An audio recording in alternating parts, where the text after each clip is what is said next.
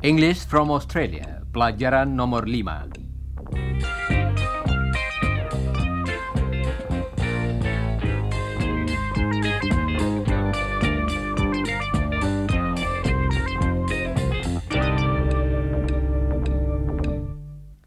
Halo saudara pendengar. Halo Don. Hello, Rudy. Hello, listeners. Saudara-saudara sudah sering mendengar saya mengatakan dengarkan dan dengarkan lagi.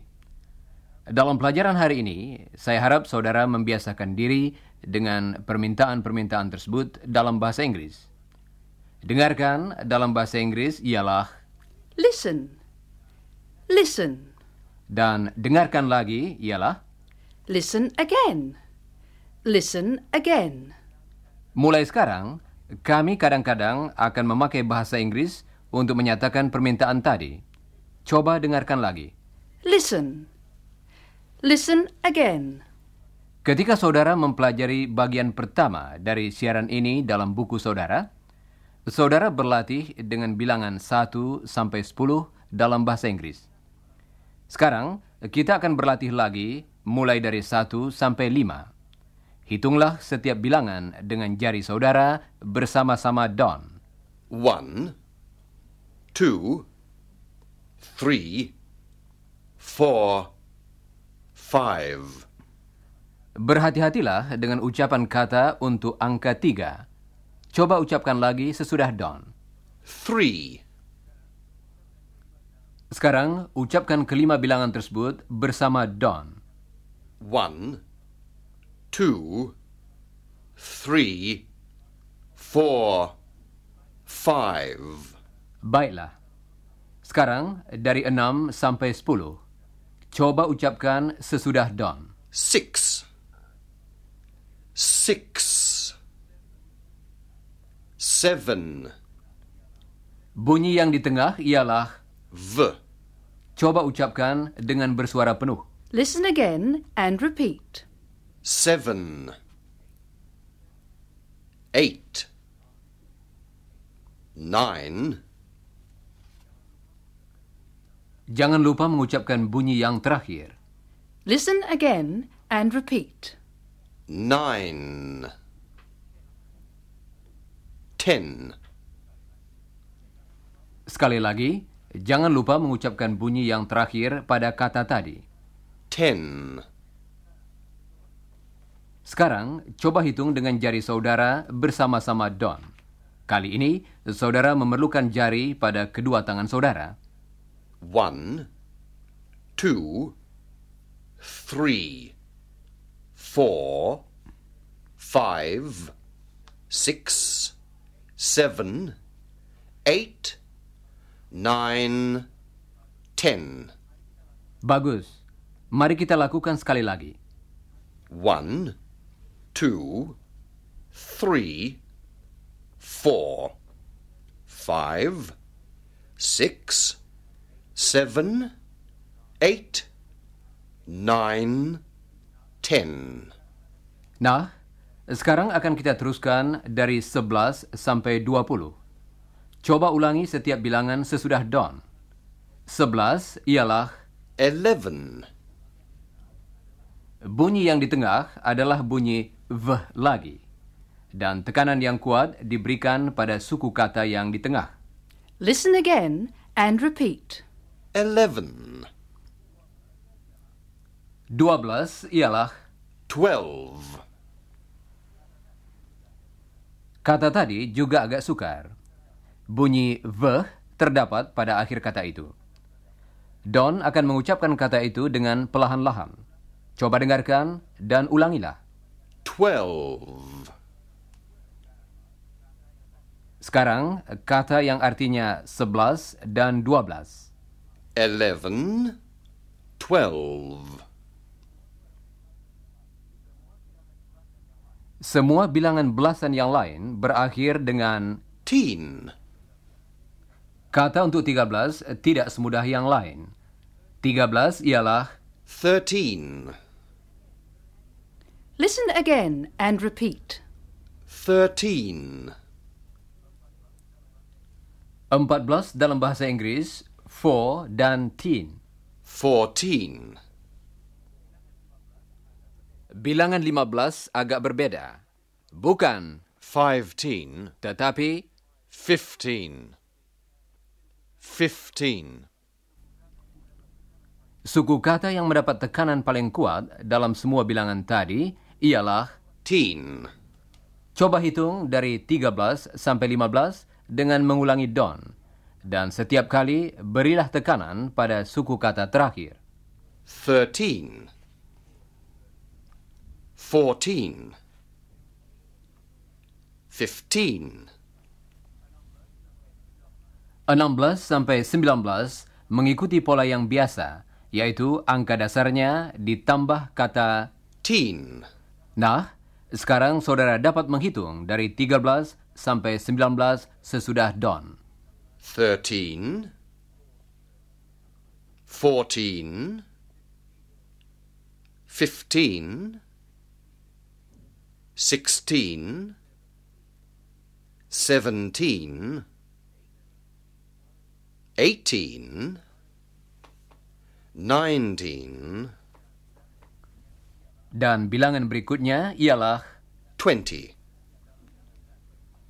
dalam bilangan tadi, tekanan jatuh pada suku kata pertama. Listen again and repeat. Twenty. Twenty. Dan bilangan tadi merupakan permulaan dari kelompok berikutnya.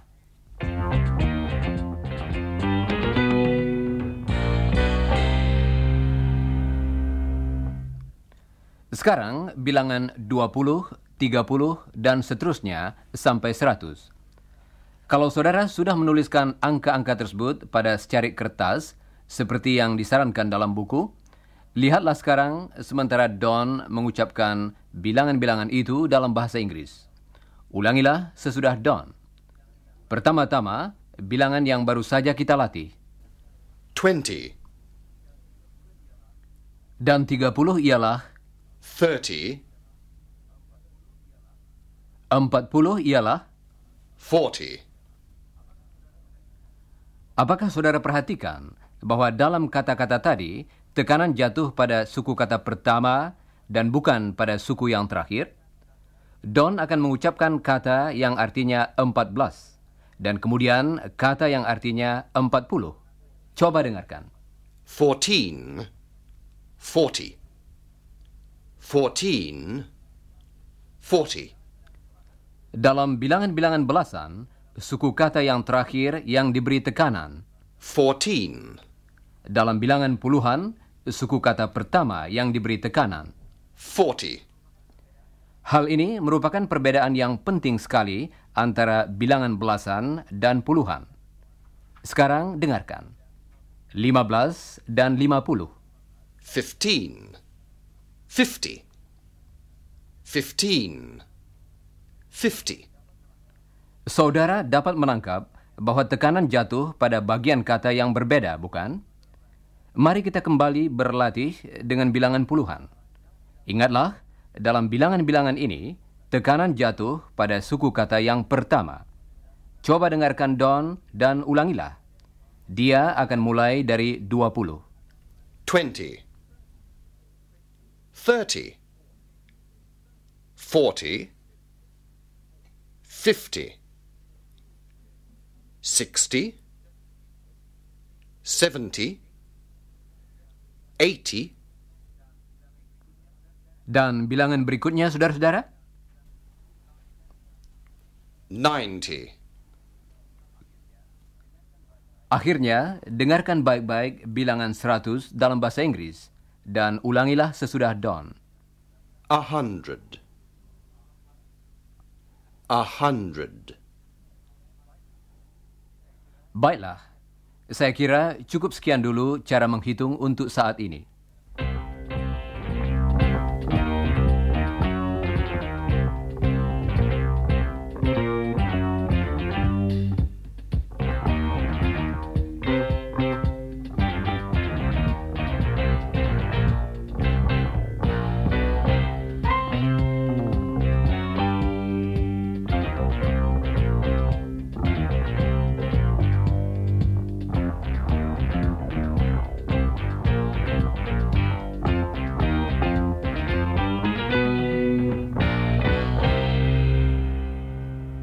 Sekarang, saudara sudah tahu bilangan-bilangan dalam bahasa Inggris. Karenanya, banyak sekali yang dapat saudara lakukan. Tentu saja, saudara dapat menghitung dalam bahasa Inggris. Tetapi, saudara juga dapat berbicara tentang uang dan harga, tentang jarak dan kecepatan, tentang jangka waktu, dan sebagainya. Mari kita mulai dengan harga. Satu dolar dalam bahasa Inggris One dollar. One dollar. Dan 30 dolar ialah Thirty dollars. Thirty dollars. One dollar, but thirty dollars. ketika Jane menyebutkan lebih dari satu dolar tadi, dia menambahkan Z. pada akhir kata. Sekarang, Jane akan mengucapkan satu sen dan lima sen dalam bahasa Inggris. One cent.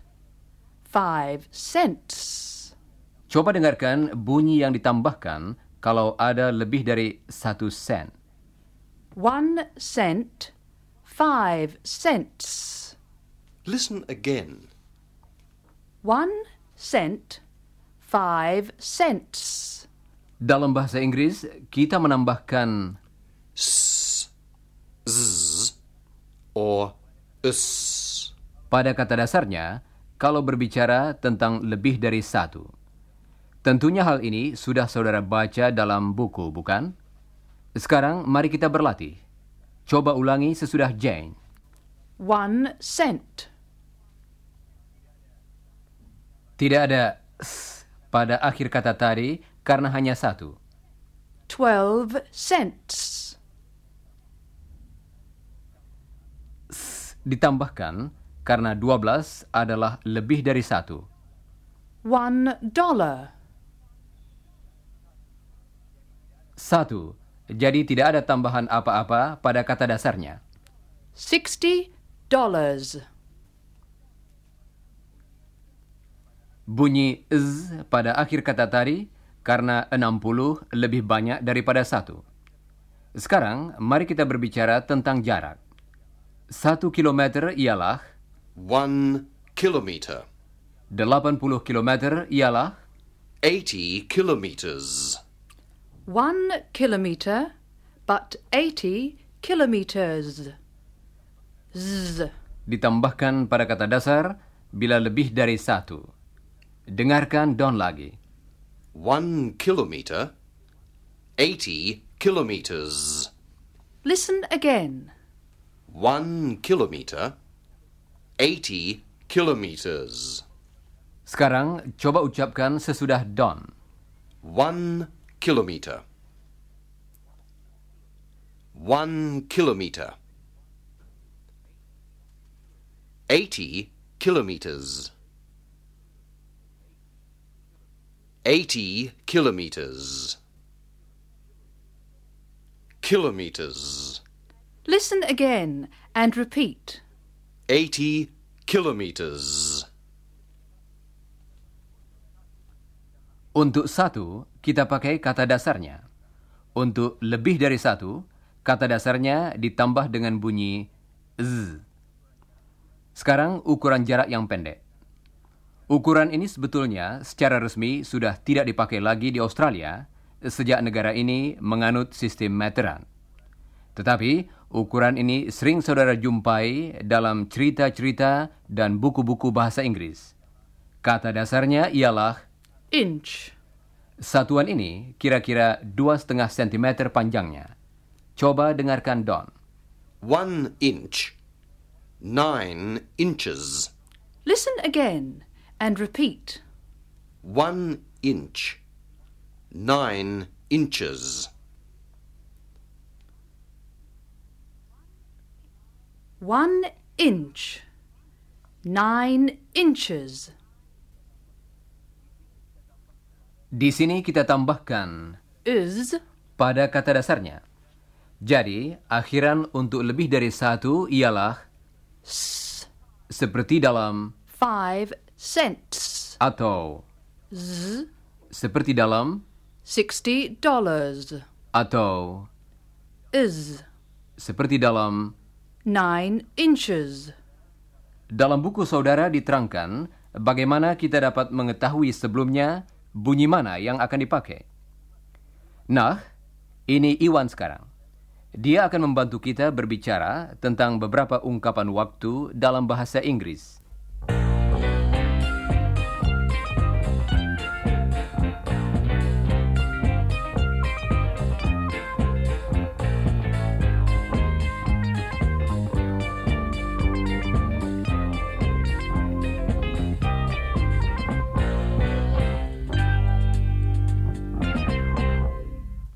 Halo saudara pendengar. Mahasiswa-mahasiswa asing di Australia sering ditanya sudah berapa lama mereka tinggal di sini. Mereka dapat menjawab dengan menyebutkan berapa bulan. Misalnya, Six months.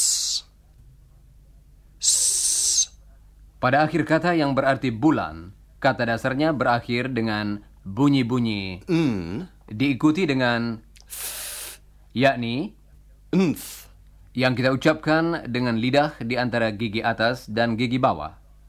Coba dengarkan Don yang akan mengucapkan satu bulan. One month. One month. Listen again and repeat. One month. Dan kalau kita berbicara tentang lebih dari satu bulan, kita harus menambahkan S. Coba dengarkan lagi Don dan ulangilah. Six months. Eighteen months. Eleven months. andaikan mahasiswa tadi belum sampai satu bulan di sini. Dia dapat menjawab dengan menyebutkan berapa minggu. Mungkin tiga minggu. Three weeks. Listen again and repeat. Three weeks. Saudara pendengar, bagaimana kita mengatakan satu minggu dalam bahasa Inggris? Cobalah. One week. No s. Pada akhir kata itu, karena hanya satu. Sekarang, Don akan mengucapkan kata-kata yang artinya satu tahun dan dua tahun. One year. Two years. Listen again and repeat. One year. Two years. Untuk mencapai gelar sarjana muda ilmu teknik, seorang mahasiswa harus belajar selama empat tahun. Jadi, kalau saya ditanya berapa lama saya akan tinggal di Australia, bagaimana jawaban saya, saudara pendengar? Ya, four years. Coba ucapkan lagi sesudah Don. Four years. Thanks, Iwan and Don. Saudara pendengar, sekarang saudara sudah dapat mengatakan berapa dolar, berapa sen, berapa kilometer, berapa minggu, berapa bulan, dan berapa tahun dalam bahasa Inggris. Tetapi, bagaimana kalau kita ingin menanyakan berapa? Don akan menunjukkan bagaimana pertanyaan semacam itu dimulai dalam bahasa Inggris. How many? How many? Listen again and repeat. How many? Sekarang, Don akan bertanya berapa dolar, berapa minggu, dan berapa inci. Coba dengarkan. How many dollars? How many weeks? How many inches? Setiap kali, kata yang mengikuti How many? berakhir dengan bunyi Z. S. atau Us. sekarang kita akan berlatih. Coba ucapkan sesudah Don. How many dollars? How many cents? How many kilometers? How many weeks? How many years? Baiklah saudara pendengar, mari kita beristirahat dahulu.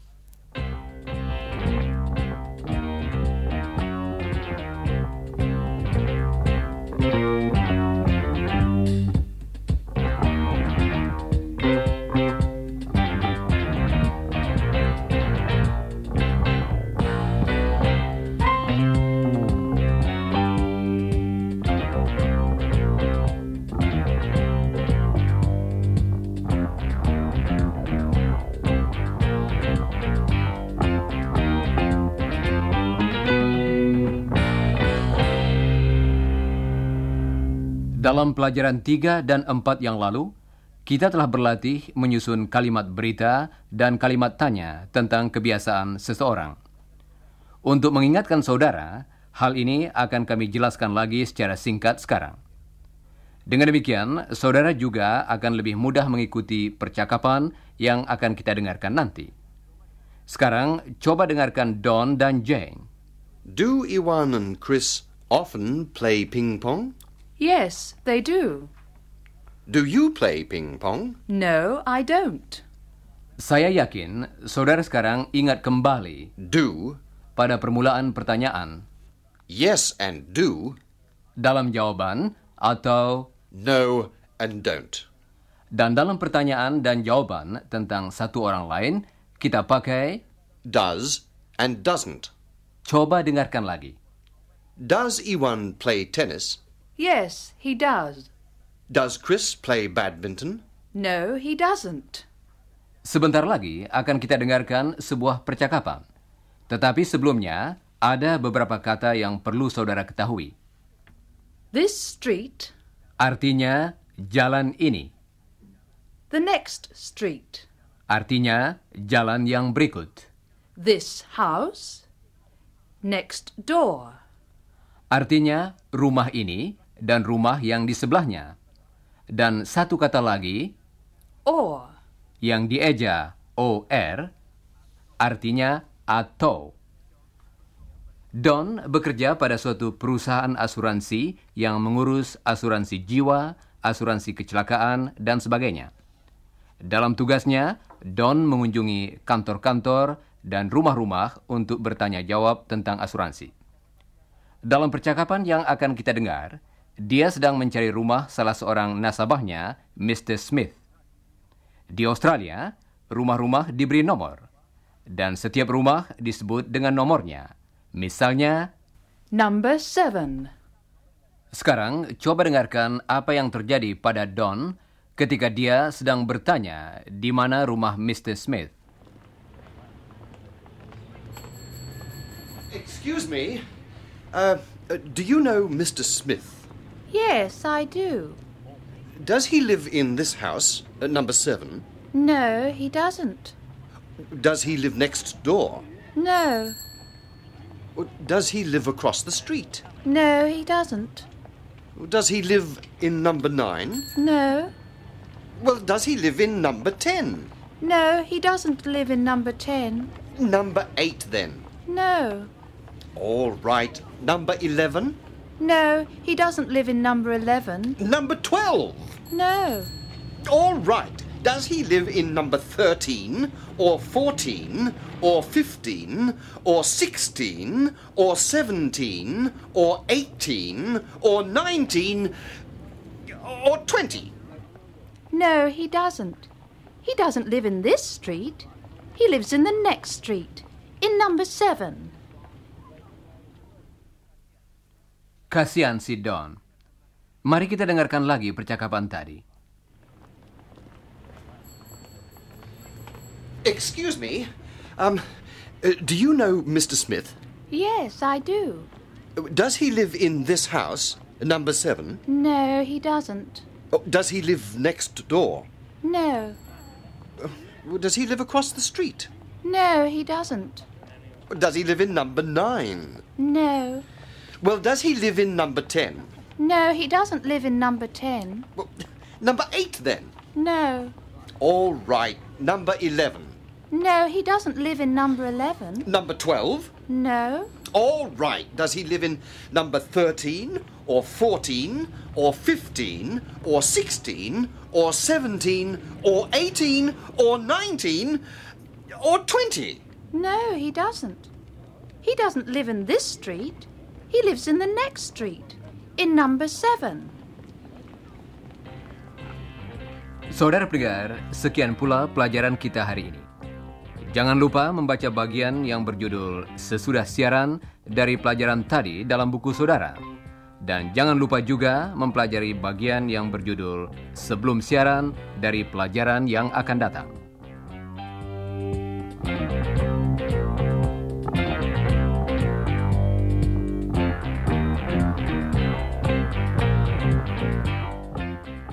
Dan sekarang saya ucapkan sampai bertemu kembali. Goodbye, Bye, listeners. listeners.